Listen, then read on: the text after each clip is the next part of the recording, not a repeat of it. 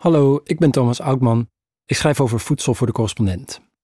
Ik las onlangs het boek Gesloten vanwege stikstof van hoogleraar rurale sociologie Jan Douwe van der Ploeg.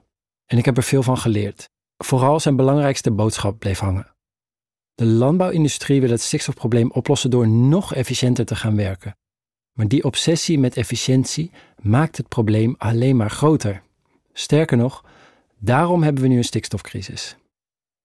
In dit stuk beschrijf ik waarom Van der Ploeg dit denkt. Veel luisterplezier. De Nederlandse landbouw is de duurzaamste ter wereld. Tot in de puntjes geoptimaliseerd om de maximale hoeveelheid voedsel te produceren op elke hectare landbouwgrond. En omdat het zo efficiënt is, zijn er per product relatief weinig grondstoffen nodig en wordt er relatief weinig vervuild.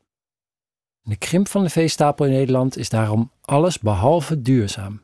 Als we minder produceren, maar de vraag wereldwijd gelijk blijft, zal er in het buitenland meer moeten worden geproduceerd. En daar werken ze lang niet zo efficiënt en dus vervuilender. Dit is het argument van de belangenbehartigers van de huidige veeteelt tegen krimp van de veestapel. IJzersterk. Als het klopt. Maar klopt het wel? Van der Ploeg was van 1992 tot 2017 hoogleraar rurale sociologie aan de Wageningen Universiteit, de grootste landbouwuniversiteit ter wereld en de spil in de ontwikkeling van het Nederlandse landbouwbeleid.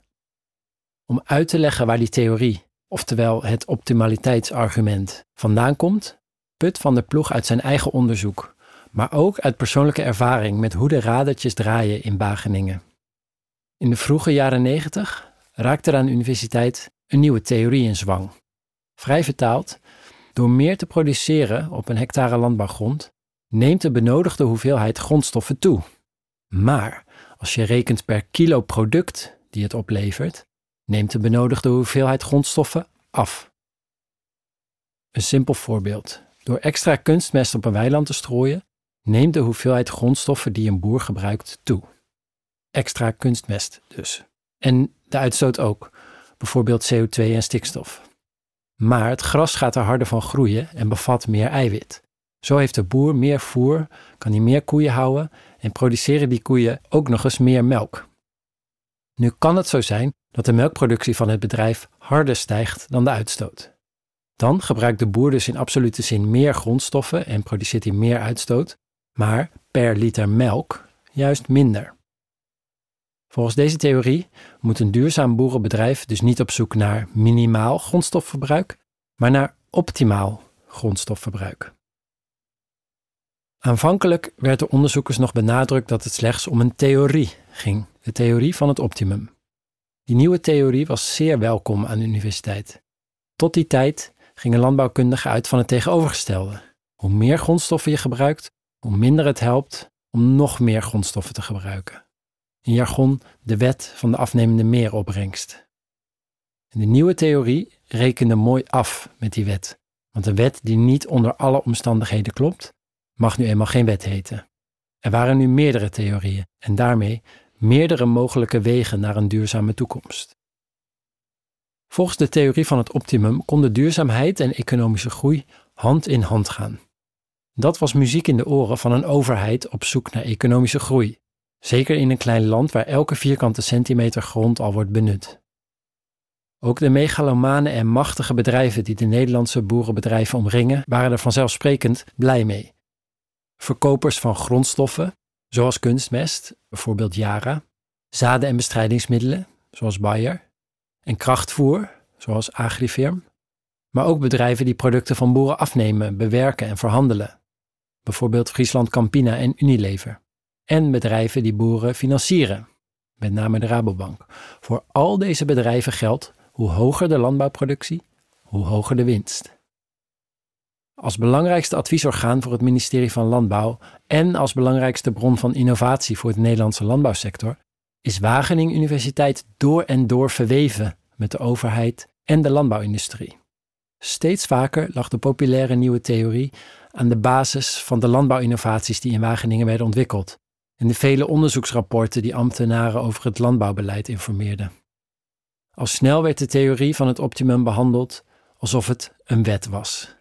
De wet van het optimum. Er was geen houden meer aan. Hoewel verschillende denkrichtingen altijd zijn blijven bestaan in Wageningen, vloeide het onderzoeksgeld, grotendeels afkomstig van de overheid en van bovengenoemde bedrijven, al snel massaal naar onderzoek dat de nieuwe theorie voor wet en waarheid aannam. Naar studies die zich simpelweg richten op het steeds verder vergroten van de productie-efficiëntie van de intensieve landbouw. Tot op de dag van vandaag. Daarom, legt Van der Ploeg uit, herbergt geen ander land ter wereld zoveel vee per vierkante kilometer als Nederland. En is het stikstofprobleem nergens zo groot als hier. Als theorie is er dus niks mis met de theorie van het optimum, benadrukt Van der Ploeg. Maar het is wel van groot belang om die theorie te toetsen en te blijven toetsen. Want een wet is het niet. Door intensivering ben je niet altijd efficiënter bezig. Ook niet per kilo opbrengst.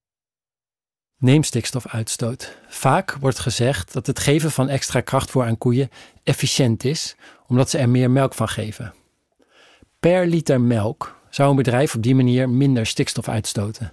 Maar dat is niet waar. Althans, niet als je de uitstoot van het hele proces meerekent. En niet alleen de uitstoot op het land van de boer zelf. In het buitenland komt vaak ook al stikstof vrij bij het verbouwen van het krachtvoer dat door de boer in Nederland wordt gebruikt.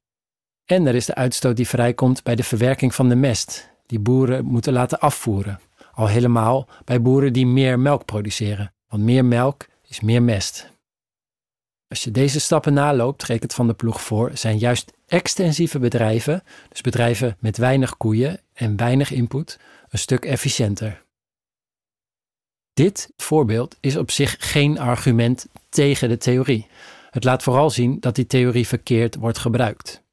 Wel ziet Van der Ploeg iets anders dat misgaat bij dit optimaliteitsdenken. De theorie van het optimum is bedacht in een onderzoekswereld die draait om kilo's kunstmest, om liters pesticiden, mollen stikstof en euro's opbrengst. Maar de landbouw kent zoveel meer aspecten, benadrukt de socioloog. Sociale aspecten, om maar wat te noemen. En die zijn van groot belang. Landbouw is van invloed op de manier van leven van heel veel mensen. Van degenen die in de landbouwsector werken natuurlijk, maar uiteindelijk van iedereen. Landbouw bepaalt hoe ons landschap eruit ziet, van de grond tot het water en de lucht. De landbouw bepaalt onze voedselzekerheid, onze gezondheid, ons toekomstperspectief in tijden van klimaatverandering. En hetzelfde geldt voor de biodiversiteit. Ook die wordt sterk beïnvloed door de landbouw. En ook die is onmogelijk te optimaliseren. Wat is een gutto meer waard dan een gans? En hoeveel meer dan? En al was het antwoord drie, dan ben je er nog niet. Want vogels zijn onderdeel van een ecosysteem waarin alles met alles verbonden is. Je kan niet met enige precisie voorspellen hoeveel gutto's eraan gaan als je een kilo extra kunstmest gaat gebruiken. Al deze tekortkomingen zijn een pain in the ass voor iedereen die met deze theorie werkt. De enige manier om de theorie toch te kunnen blijven gebruiken? Het onmeetbare simpelweg buiten beschouwing laten. Voilà. De effecten van de landbouw op de maatschappij en het landschap zijn in bijna al het landbouwonderzoek secundair. Zolang de wet van het optimum aan de basis ligt van het Nederlandse landbouwbeleid, delven maatschappelijke waarden als natuur, een gezonde leefomgeving en een leefbaar platteland, die natuurlijk met elkaar verweven zijn, het onderspit. Zie daar de stikstofcrisis en een ontvolkt buitengebied. Hoe nu verder? Volgens Van de Ploeg is de boerensector een eenheidsworst geworden. En dat moet anders, zegt hij. Boeren heb je in soorten en maten. Niet alleen wat ze kweken verschilt, maar ook hoe ze dat doen. Zo ook in de melkveehouderij. Je hebt boeren die vooral de melkopbrengst proberen te verhogen, maar ook boeren die proberen de beste koeien te fokken. En er zijn ook zuinige boeren, die proberen zoveel mogelijk zelfvoorzienend te zijn en zo weinig mogelijk kunstmest en krachtvoer te kopen. De politiek richt zich met landbouwsubsidies voornamelijk op één soort boer, die in politiek jargon de koploper is gaan heten, omdat, je raadt het al, diens bedrijfvoering precies past bij de wet van het optimum. Deze boeren, die zichzelf vaak vooral als ondernemer zien, zetten alle mogelijke middelen in om zoveel mogelijk productie uit een bedrijf te persen. Van der Ploeg schetst hoe grote subsidies voor dure technologie tot op de dag van vandaag deze ene soort boer bevoordelen, ten koste van al die andere bedrijfsstijlen. Zuinige boeren die hun koeien zoveel mogelijk buiten laten grazen, hebben bijvoorbeeld niks aan subsidies voor een supersonische stal. Vanwege hun lage omzet kunnen ze die zelfs met subsidie helemaal niet betalen. Dat vond het ministerie van Landbouw geen probleem. De boeren die deze investering niet kunnen betalen, verdwijnen immers sowieso, citeert Van der Ploeg een overheidsfunctionaris. De afgelopen 25 jaar halveerde het aantal boeren. Het zal niemand verbazen dat vooral de koplopers overbleven. De oplossing voor de landbouwproblemen die Van der Ploeg ziet, is dat al die soorten boeren weer worden gewaardeerd. En dan met name de zuinige boer. Want laat nou precies dit type boer, die niks heeft met optimaliseren, een technisch eenvoudige oplossing bieden voor het stikstofprobleem. Dat laat de boeren in en om Nationaal Park de Noordelijke Friese Wouden in Noordoost-Friesland zien. Het is een van de weinige plekken waar dit soort zuinige boeren de ruimte hebben gekregen die ze nodig hebben. Toenmalig landbouwminister Josias van Aartsen van de VVD ging in de jaren 90 akkoord met een regeling. Als de lokale boeren er collectief en naar eigen inzicht voor zouden zorgen dat hun uitstoot fors daalde en ze de natuurrijke houtwallen en elsensingels op hun land in volle glorie zouden behouden, dan werden ze niet meer aan de letter van de wet gehouden. Het werkte. Vooral door met zo min mogelijk kunstmest en krachtvoer te werken, verminderde dit collectief van boeren hun uitstoot fors, meer dan nodig zelfs. En door continue verbetering stoten de bedrijfsopvolgers nog altijd steeds minder uit. Bijkomstig gevolg, waar tussen 2000 en 2022 in heel Nederland 40% van de melkveehouders is verdwenen, was dat voor de 60 melkveebedrijven in dit collectief nog geen 20%. En bijna nergens in Nederland vind je nog zo'n mooi weidelandschap met hagen en houtwallen als in de noordelijke Friese wouden. Volgens Van der Ploeg kan de overheid het stikstofprobleem en vele andere problemen oplossen door vol in te zetten op duurzame landbouwcollectieven, zoals destijds in de noordelijke Friese wouden, maar dan in heel Nederland.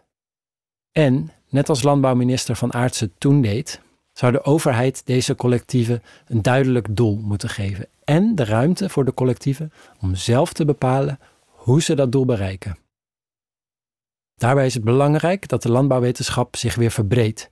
Het grote onderzoeksgeld zou niet meer vooral naar het verbeteren van de efficiëntie van de intensieve landbouw moeten gaan, maar naar alle mogelijke paden van verduurzaming. Alleen dan hebben boeren echt wat te kiezen. Hoe je dat doet? Door de verdeling van het onderzoeksgeld aan de Wageningen Universiteit anders te regelen. Of beter nog, volgens Van der Ploeg, door ook aan andere Nederlandse universiteiten serieus landbouwonderzoek te doen. Zo rekenen we voor eens en voor altijd af met dat vastgeroeste efficiëntiedenken.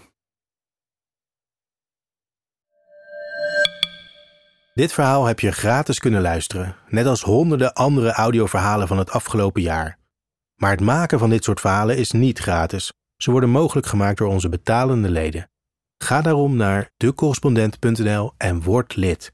Want onafhankelijke journalistiek is afhankelijk van jou.